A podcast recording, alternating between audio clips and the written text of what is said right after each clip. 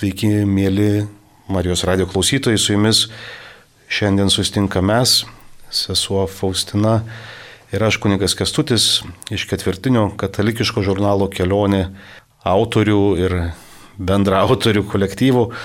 Tema, kurią šiandien sustinkam būti šio žurnalo numeriuose, yra kūnas ir kūniškumas.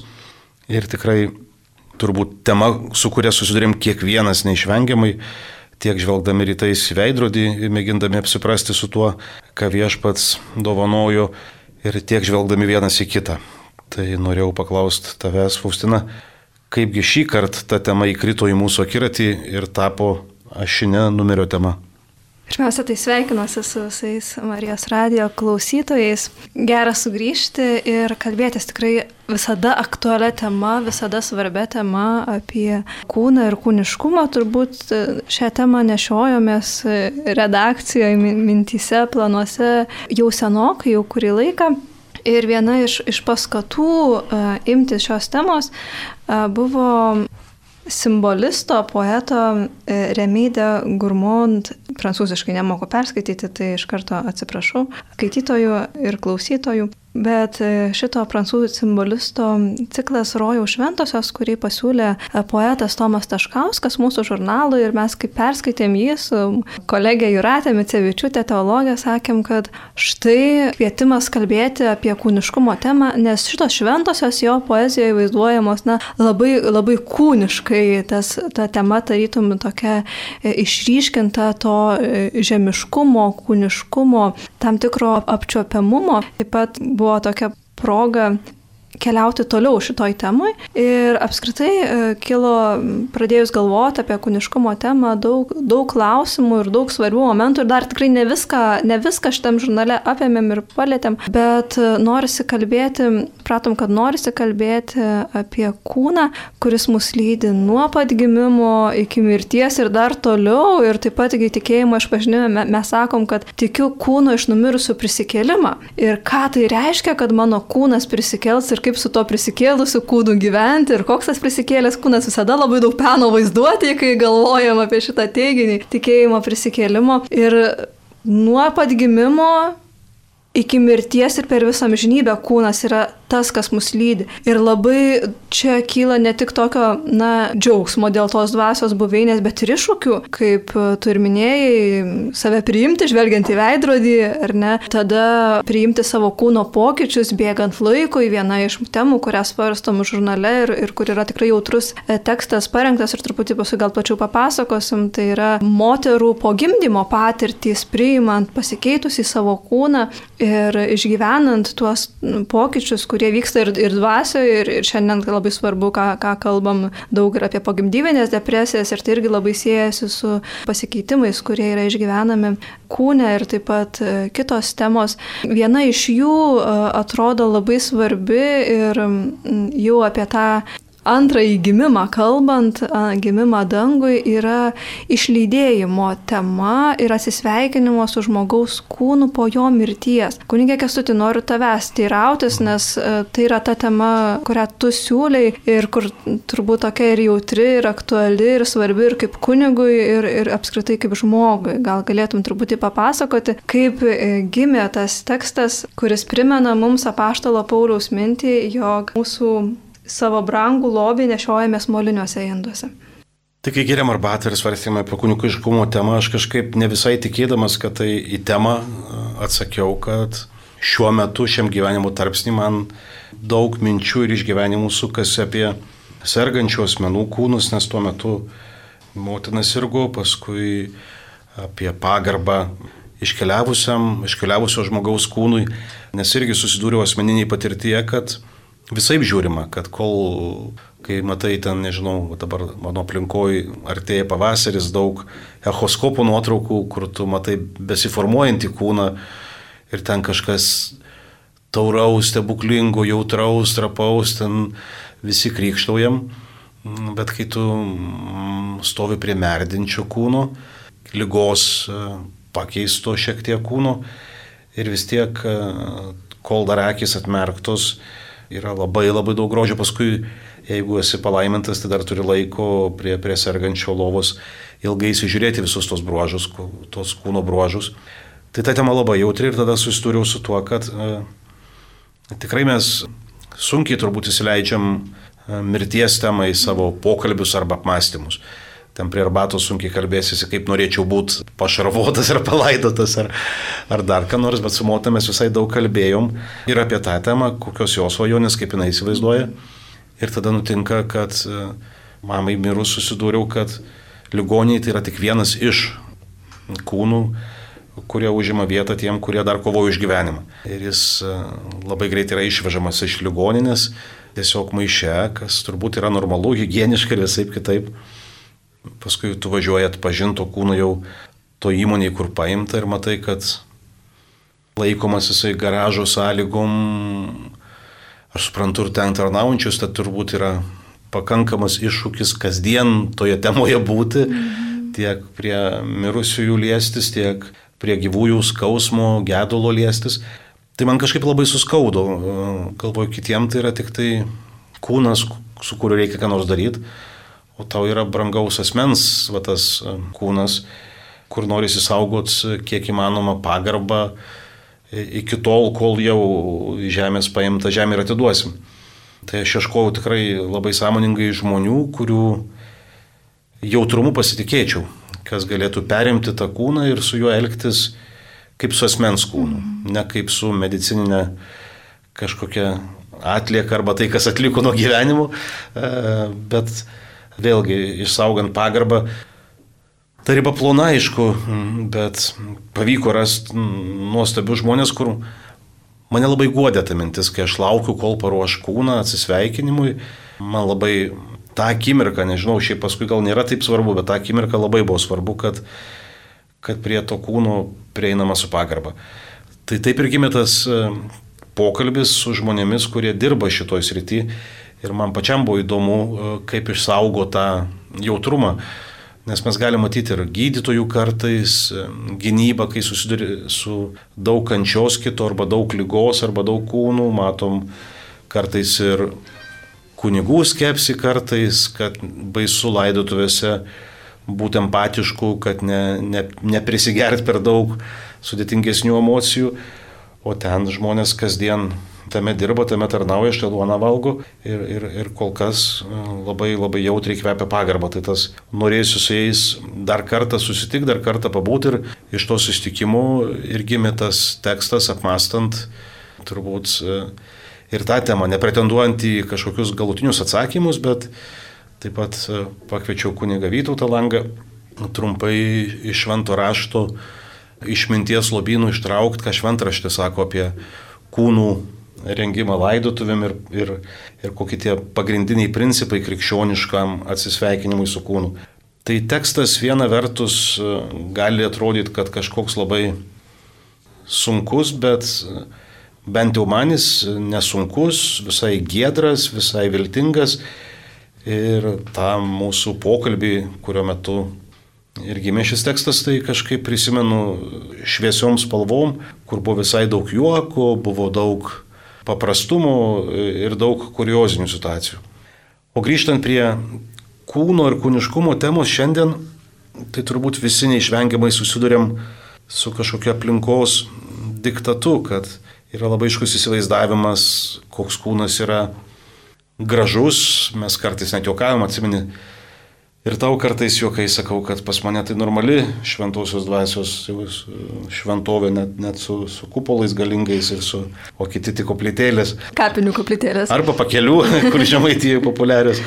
Kad, bet tikrai kažkaip, nežinau, aš dirbdamas vat, ir bendruomenį, nuolat tarp žmonių, Tai pirmiausia, net ir labai sudaužyti gyvenimų, likimų lygų žmonės puola puoselėt kūną, nes tai yra tam tikras fasadas ir pagal tai labai dažnai priimami žmonės.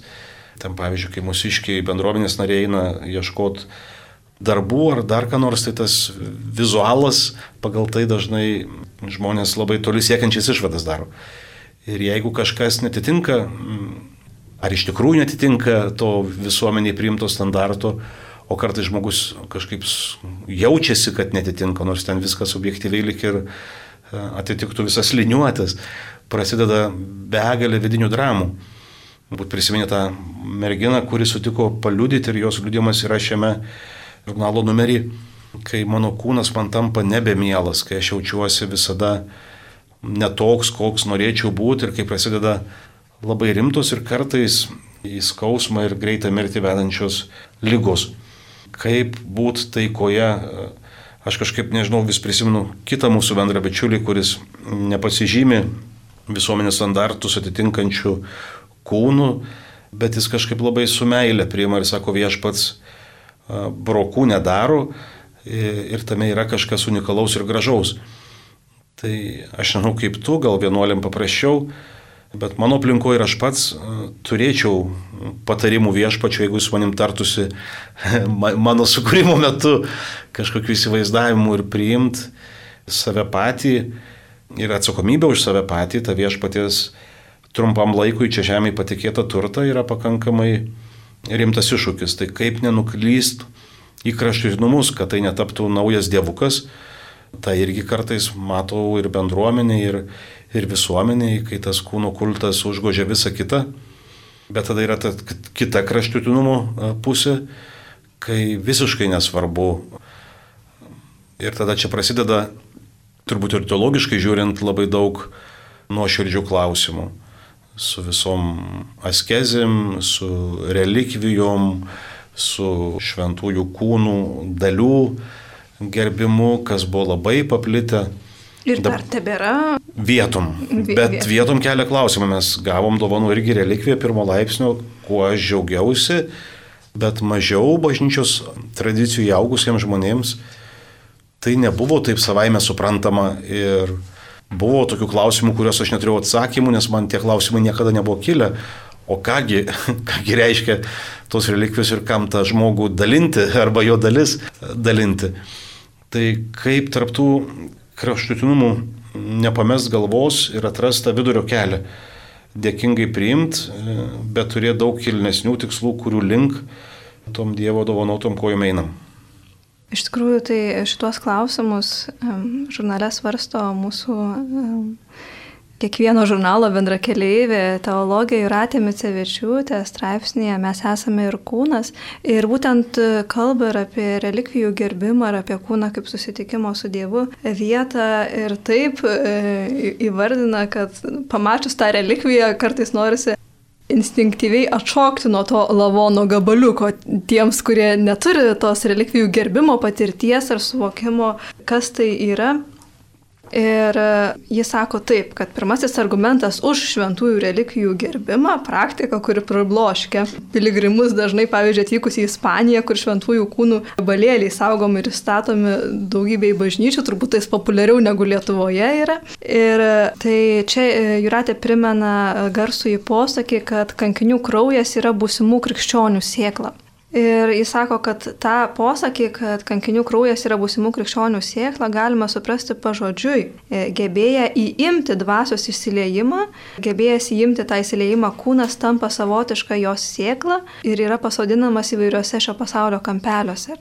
Kitaip tariant, kai žvelgi į tą žmogų, kuris, tą gabalėlį kur, to, kuris nukeliavo tą gyvenimo kelionę iki dangaus, tai įkvepia ir tave eiti į priekį. Ir dar vienas argumentas už tai yra kūno prisikėlimo slėpinys. Būtent čia, sako Juratė, ir slypi didžiausias krikščionybės originalumas, tikra revoliucija pasaulio religijų istorijoje ir gerosios naujienos esmė. Išgelbėja mane siela, Aha, nes mes kartais sakom, siela, gelbėk viešpatie sielą, sakom, Taip, ar ne? Į dangų sielą. Taip, bet išgelbėja mane siela, bet žmogus. Tai yra kiekvienas individas su savo kūnu. Ir galima pagristai teikti, sako Juratė, kad krikščionybė gali egzistuoti be tikėjimo į sielos nemirtingumą, bet jį absoliučiai neįmanoma be tikėjimo, kad kiekvienas žmogus prisikels. Ir tas prisikėlimas yra tai, dėl ko po mirties tam kūnui skiriama tokia ypatinga pagarba ir šventųjų kūnais, kur tikim, ar ne, kad, kad jie yra danguje, laukiantis to šlovingo prisikėlimo, mums yra tarsi toksai nuoroda į dangų, nors e, netikintiems kūno iš numirusių prisikelimą, turbūt atrodo tikrai labai keistai, kai mes į pošnės dėžutę sudedam kaulelius ar ne, ten čia Jono Pauliaus antrojo seilės buvo nutekėjant šito audinio gabaliuko, ar ne, ir nu taip truputėlį makabriškai atrodo, bet tiems, kurie tiki prisikelimo slėpinį ir tiki, kad Tai yra kūnai tų, kurie maitinosi Euharistiją, ta sena tradicija ar aukoti mišes ant altorius, kuriame yra kankinio relikvija nuo, nuo senovės Romos laikų ar ne, ir, ir pirmųjų krikščionių, kurie pralėjo savo kraują dėl Kristaus, mums e, jinai įgauna visai kitokią prasme. Bet turbūt atsimeni, kai buvom šarvojimo salėse ir, ir toj gražioj patalpoj, kur kūnai ruošiami išlydėjimui, kalbėjom apie naujas tokias tendencijas ir kažkaip labai susišaukė su relikvijom, kur žmonės, aišku, ten pagrindimo zoologinio nėra, bet kur ta nauja tokia paslauga atsiradus, kur nebelaidojami kūnai, nebe, ten nebarstomi pelenai, o gaminami iš, iš, iš pelenų visokie papuošalai, kurie nešiojami kartu kaip, kaip kažkokio Tai ne, suprantu, kad ne apie tai, bet kažkaip, kai tu kalbėjai, labai susišaukė, galvoju, gal žmonės vis tiek ilgisi kažkokio artimo apčiopiamo ženklo, kad esu ne vienas, kad einu jau pramintų keliu ir kad galiausiai Aš vis tiek galvoju su tais, kurie mūsų aplenkė į dangų, tai dalis mūsų jau aplenkė mus keliai dangų, jau nusikraustai tą pusę. Taip, taip, aišku, čia toks tikrai nekrikščioniškas e, būdas ir kelias, nes mūsų užduotis e, mirusį palaidot ir vienas iš gerųjų darbų kūnui, bet tikrai galbūt jame galime na, išvelgti tą žmogaus, kuris nebeturi to teologinio matmens ar, ar tokio stipresnio tikėjimo matmens, kažkokį vis tiek ilgesį, ne? nes iš to ilgesio, transcendencijos ilgesio gimsta labai daug keistų dalykų dalykų. ir, ir tą mes matom. Ir tos, tos pačios laidotuvių tradicijos, ar ne, jose irgi tokių, tokių būna keistų dalykų. Ir vėl noriu grįžti prie to pokalbio, kuris vyko laidojimo namuose. Mes nemažai kalbėjomės ir apie laidojimo tradicijas ir jų pokyčius šiandieną. Ir netgi e, tų namų administratoriai, jinai sako, kad, sako, žinot, aš kartais pasilgsiu tokių normalių laidotuvių, tokio normalaus pagėdėjimo su dviem naktim, to pagėdojimo prie, ka, prie karsto ar ne, to, nu, va, to atsisveikinimo. Ir jį labai stebės ir sako, kad dabar kartais tai netgi sako, su tuo maišu visų tiesiai ir sudeginkit mirusiai ir Taip, sako, tai gal bent nuplaukit tą kūną, yra dabar tokia m, naujas dalykas, į drobulę galima įsukti gražiai ir nu, kažkaip pagarbiai e, vis tiek išlydėti. O sako, su maišu tiesiai pečian ir, ir, ir nereikia mums to visai nematyti kūno. Ne, Aš kažkaip atsispirčiau tą, kur sakai, kad kai žmonės kažkaip intuityviai ieško, kai neturi e, kažkokio to teologinio demens. Neseniai skaičiu vieną straipsnį, kur sako, net priklausomybės atveju toj nesvarumo būsenos arba neblaivios net būsenos vis tiek yra kažkoks transcendencijos ir dvasinio gyvenimo ilgesys. Labai žalingom formom, aišku, ir netikrom, dėl to yra mm -hmm. didžiausia savapgaulė, kad, kad suimituoja kažkokią turbūt patirtį, tai ir tie visi iš kūnų pagaminti papuošalai, kam bažnyčia prieštarautų ir neatsitiktinai turi tam argumentų visai rimtų, irgi turbūt yra vat, kažkoks toks netikras atliepas į, į tikrą širdies troškulį. Mm. Man dar viena svarbi tema šitam numerį buvo pačiam, kad kartais apsiprantam su dalykais, čia galėsim prie kūnų visada grįžti, nes dar tų tekstų čia yra daug, bet šitam numerį yra visai gedriaus nuostabus tekstas apie kelionę, 30 metų trunkančią mažosios studijos kelionę, kur e, liudijama, reflektuojama įvykiai, e, kasdienos įvykiai, skelbiama Evangelija. Gal tu gali kažkaip, kaip tarnaujant iš šiotoj taip pat srity, kad ir maža kropelytė tam Dievo žodžio skelbime per, per spaudą, pasidalint, kaip šis tekstas atėjo ir, ir kodėl tu skyrė jam tiek daug vietos.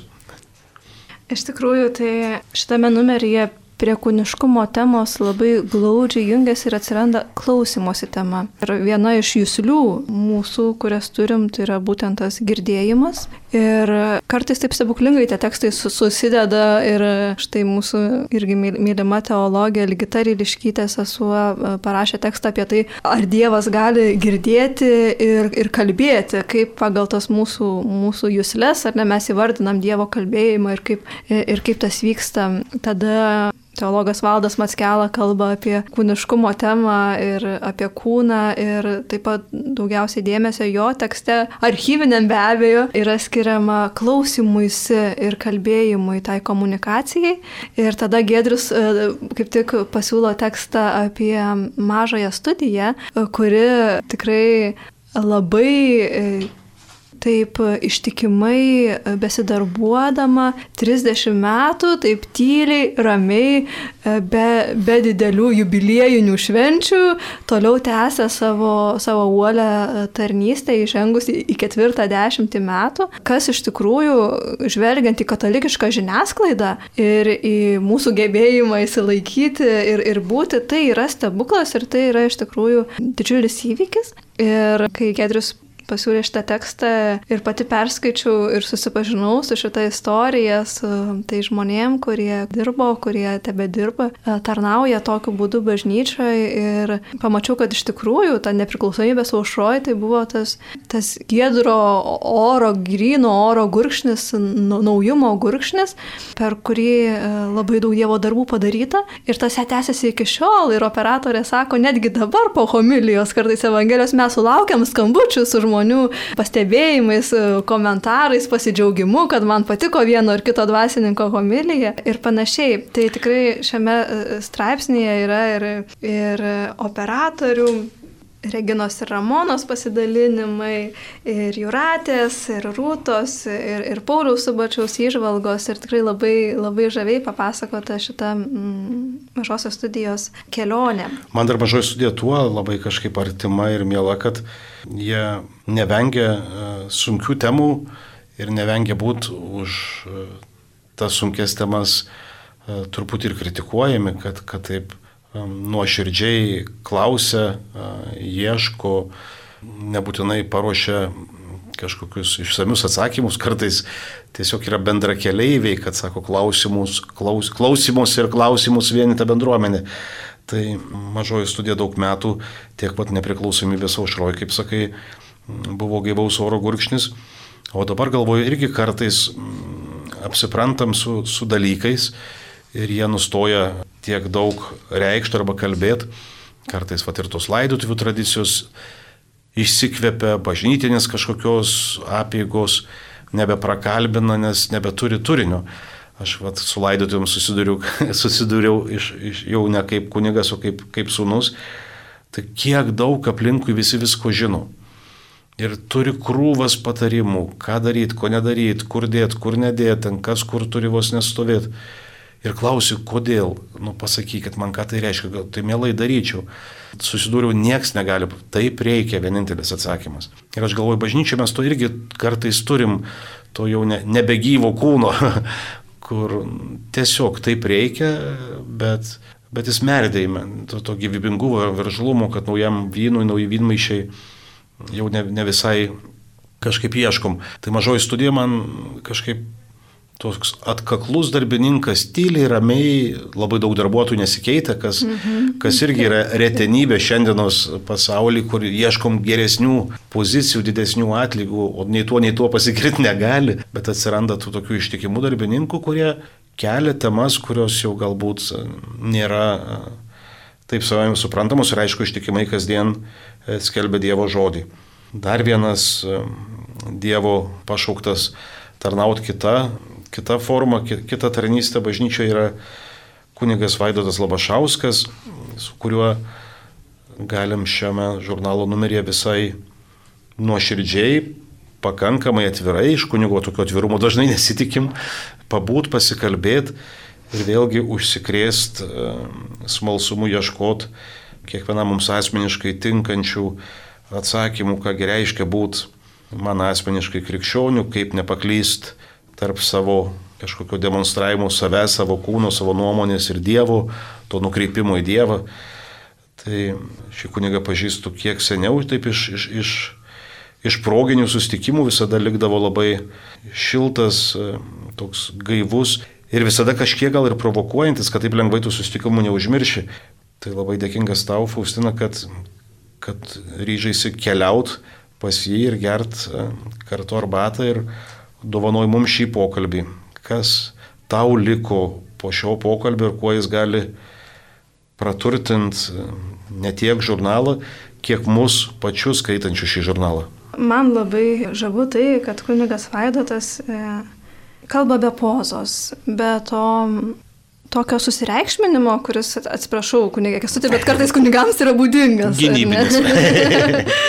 E, ir jis taip turi tiek sveikos savikritikos, kur aš manau, kad šiandien bažnyčia yra ypač reikalinga ir ypač svarbu. Ir čia vėl man tokie du tekstai, kurie kalbasi žurnale, tai yra kunigo taip pat Jokūbo Marijos Goštauto žvilgsnis į, į krizę bažnyčioje, kunigystės taip pat krizę ir, ir ką su tuo daryti ir kaip mums patiems su tuo dirbti ir, ir kaip toj tiesoje būti.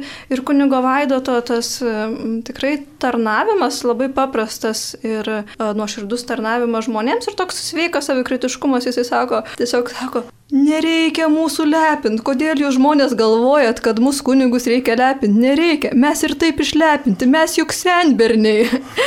ir tiesiog, na, tokio tikrai ir su humoru, ir su sveika savikritika. Ir įvardinamas sunkumus, kuriuos patiria ir sako, kad kiekvienam kunigui yra iššūkis aukoti mišes ir, ir toj liturgijoje garbinti Dievą. Nesako, yra kelių tipų liturgijos. Tai gali būti liturgija, kai yra garbinama pati liturgija, pačios apėgos.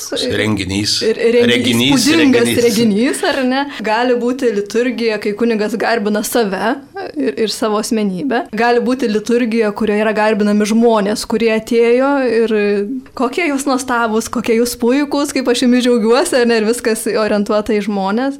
Ir turbūt ta pusiausvyra yra, yra ta vieta, kur, kur yra garbinamas ir šlovinamas Dievas. Tai sako labai nuoširdžiai, sako, man ne visada pavyksta išbūti tame Dievo garbinime ir nuolatos tu turi, tu turi darbuotis ir, ir ties tuo būdėti, kad išliktum tikrų viešpaties tarnu. Tai ir dar mane labai žavė jų pozityvumas, o trumpai pacituosiu, kad tas kinta tas statusas tiek bažnyčios kaip institucijos, tiek kunigo, kuris kartais arba sudėvintas dėl lūkesčių visuomenės, arba susidėvinęs dėl asmeninių traumų, tai jisai sako, kad visai viltingas laikas dabar prasidėjo. Žvelgiant į mūsų statusą visuomenė, galima sakyti, kad dabar yra autentiškos kunigystės laikai.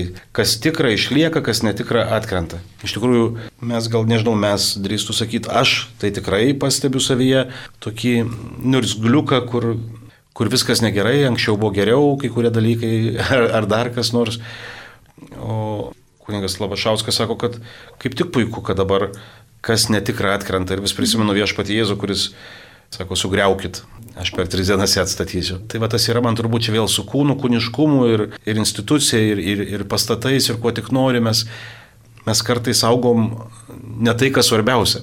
Ir kad, kad krizės kartais gali būti nebausmė, o dovana, kad jau apsunkia kaip kopranugariai, jau ten ne tai, kad radotų sausį nepralysim, bet patys vos judami priekinės ir visko gaila. Ir tas brangų, brangių prisiminimų kelia, ir tas, kaip nenustot gyventi, kaip nepradėti tarnauti kūnui, kaip nepradėti tarnauti pastatam, kaip nepradėti tarnauti institucijom, o tarnauti vienam viešpačiui su visų savo kūnu, su visais savo talentais, net su savo silpnumu. Čia gal tokį linksmą momentą dar iš pokalbio e, su kunigu Vaidot e, noriu, norisi pasidalinti tuo momentu. Apie baimę. Iš tikrųjų, jis irgi sako tą dalyką, kad mes turim labai daug baimių ir viena iš jų yra ta baimė piktosios dvasios ir aišku, gerai, kad mes jos bijom, bet Jis, jis sako taip, eksorcistai vis perspėja, reikia žiūrėti, kad žmonės tik kokiu amuletu neparsivežtų, kad to ano nedarytų, į tokius koncertus neitų. O jis sako, o aš sakau, Tegu tik jie ten eina, tegu tik juos ta piktoji dvasia apsėda, nes kitaip jie pas mus niekada neteis. ir prisimena tokį nuotykį, kaip buvo kalėjimo kapelionas ir jam uh, paskambino iš kalėjimo administracijos ir sako, kunigė, atvažiuokit, nuteistieji prisidirbo. Sako, gerai, rytoj atvažiuosiu. Sako, ne, atvažiuokit šiandien. Ir sako, nu gerai, grįšiu ir atvažiuosiu, nuvažiavo visai vėlai vakare, grįžęs iš, iš susitikimo. Ir sako, kad ten jie visi įsigandę kaip maži vaikai nes turbūt kažkokiu dvasiu prisikvietė ir sako, nu va, tai bent tada reikia kunigo. Nes, sako, yra, yra tokių žmonių, kurie niekada pas mus neteis patys, jeigu nepatirs tos dvasinės kovos ar išbandymų. Tai čia toks gal anegdotinė situacija, bet Bet kita vertus, greta to kunigas Vajotas kelia labai svarbu ir rimtą klausimą. Sako, daugybė žmonių ieško pagalbos įvairiose vietose ir kai kur, kur tikrai e, nueina iki netų dvasių, Bet kodėl jie neteina pas mus tos pagalbos ieškoti? Čia yra ir mūsų atsakomybės dalis turbūt. Taip, kaip... taip ir jis sako, turim paklausti savęs, ar mes iš tikrųjų esam tie mylinčio tėčio namai, kur atėjęs žmogus bus apkabintas ir pasijaus mylimas. Ir jeigu matys, kad tai yra mylinčio tėvo namai, jis nueis ne pas ekstrasensą pagalbos ieškoti, ar ne, o ateis į bažnyčios bendruomenę, nes čia bus apkabintas ir sulauks pagalbos. Kadangi jau kalbam apie tuos pokyčius, tai neišvengiamai norėčiau dar trumpai staptel prie tos temos, kurią taip truputį prabėgom, bet apie kai kinta ne tik mūsų formos, kuriuom tarnaujam, ne tik mūsų nuomonė, bet ir kūnas. Vėlgi grįžtam prie motinystės temos, kaip dovanojant pasauliui naują gyvybę vyksta, kaip ten sako, gimsta ne tik vaikas, bet gimsta tą akimirką ir mama ir tėvas. Tai ypač motinų turbūt gyvenimus labai paliečia gimdymas ir žurnale yra nuostabios, tikrai meniškos nuotraukos, gražios nuotraukos ir gražus kūnai e, mamų, kurios po gimdymo turi įvairius e, pokyčius ir kaip priimti tuos pokyčius dėkingai, kaip juose neustrikti, ne, nepulti aukos vaidmenį ar nežinau, kaip su tuo būtų taikoje. Tai norėjau dar kažkaip pakviesti ir tave trumpai grįžti prie to teksto, kad dažnai labai atidavęs viską, kaip Paulius sako, esame nenaudingi tarnai, tai lieka kas lieka. Tai Iš tikrųjų labai, kaip minėjai, ir jautrus tekstas, ir svarbus motinystės akivaizdoje, tai Nei aš, nei tu tokios patirties neturim. Tik iš knygų. Tik iš knygų, e, bet tema yra jautri ir labai aktuali. Ir e, Donata Špakaitė pakalbino ir fotografę e, Julianą, kuriai gimė mintis parengti parodą pavadintą Moters kūnas, kuriame jį fotografavo moteris po gimdymo su gimdymo paveiktais kūnais, ar ne, strijos ant pilvo, vienai mamai iš pilvo išvestas maišelis, ar nes dėl gimdymo komplikacijų, kitos po cezario pjūvio ir vis tiek, na, tie kūnai, jie yra gražus, jie yra ta šventovė, kuria, per kurią Dievas dovanoja gyvybę toliau pasauliui. Ir tos moteris dalinasi savo liudijimais, savo pogimdyvinės depresijos e, patirtimis, iššūkiais tokiais, kurie dėl to sunkumo priimti pasikeitusi gyvenimą nuveda iki panikos atakų netgi, ne, ir, ir koks yra svarbus ir, ir jautrus tas laikas. Ir savęs prieimimas taip pat yra ir psichologijos komentaras, kuri primena, kad žmogus turi ne tik kūną, bet ir sielą ir kūnas yra tarsi sielos rūbas. Ir pasak jos, jei moteris savo esmę ir vertę tapatina su kūnu, prie jo vaizdo yra labai prisirišusi, jei dirba darbą, kuriame mokama už išvaizdą, tuomet tuo kūno pokyčius jį priims ypatingai skaudžiai. Tačiau jeigu suvoks, kad yra ir dvasinė būtybė ir jo žmogiškoji vertė nepriklauso nuo neišvengiamai besikeičiančio kūno, greičiausiai tų pokyčių taip stipriai nesureikšmins. Taip pat e, psichologija sako, kad moters kūnas turi galę savyje nuausti kūną naujai gyvybei, ją išnešioti ir pagimdyti.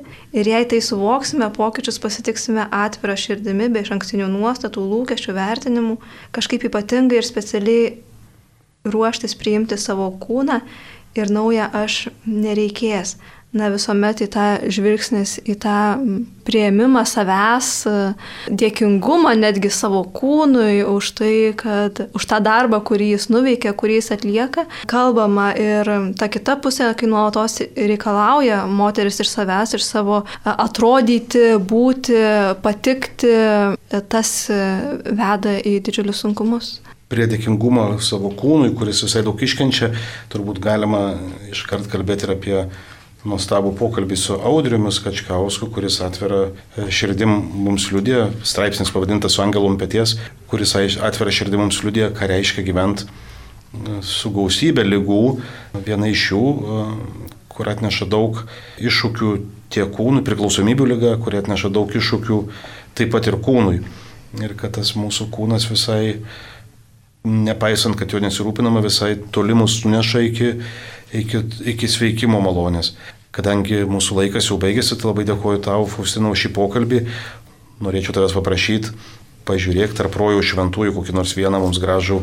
Eilėraštį, kurį jau galėtumėm atbaigti šiandien. Labai mielai. Tik tai dar vieną gal tokių, nespėjom e, pakalbėti apie savižalos problemą, kuri labai gaji ir nutylima tema, šį kartą skiriam savižalai. Tai Norisi gal kviesti paskaityti žurnalą tuos žmonės, kurie susiduria su paaugliais, jaunimu, kurie save žaloja ir tai tikrai yra išsamus ir psichologijos komentaras apie tai, iš kur kyla tas noras kenkti savo patiems ir merginos liudijimas, kuri kalba, kaip perėjo tos savižalos pragarus, tai toks tikrai, tikrai jautrus ir, ir labai, labai aktuali mm, šiandien tema. Na, aš rojau šventųjų, man norisi pasipabaigti šventosios, šventai Zitai dedikuotų tekstu, kuri žinoma kaip šeimininkė, turbūt vyrėjų globėja ir jai skirtas eilėraštis skamba taip. Zita. Šventoji švelniomis akimis, šventa su kepure, šventa su klumpėmis. Zita tavo maldykla buvo virtuvė, Zita tau vyrėjais tarnavo dangaus angelai, Zita gera širdis, gera žydinys, gera sriuba ir gera pastogė, Zita Tavo rausvos rankos žydi mėtomis ir peletrūnais, šventoji zita, padeng stalą, prie kurio sėdasi meilė. Amen. Tai dėkojam už buvimą kartu aktualijų laidoje, čia kartu su kunigu Kestučiu Dvarecku ir sesė Faustina. Kalbėjom apie e, naujausią žurnalo kelionė numerį, kuriame kertinė tema yra kūnas ir e, kūniškumas. Tai norisi priminti, kad naująjį žurnalo kelionė numerį rasite katalikiškose knygynuose, parapijose, spaudos kioskuose, didesnėse parduotuvėse, Maksima ir Rimi ir taip pat žurnalas kelionė.lt rasite sąrašą, kur galima surasti ir įsigyti šitą e, skaitinį. Tai norisi linkėti tikrai palaimintos kasdienybės kelionės, priimant save kaip Dievo šventovę su kūnu ir siela. Su Dievu. Su Dievu.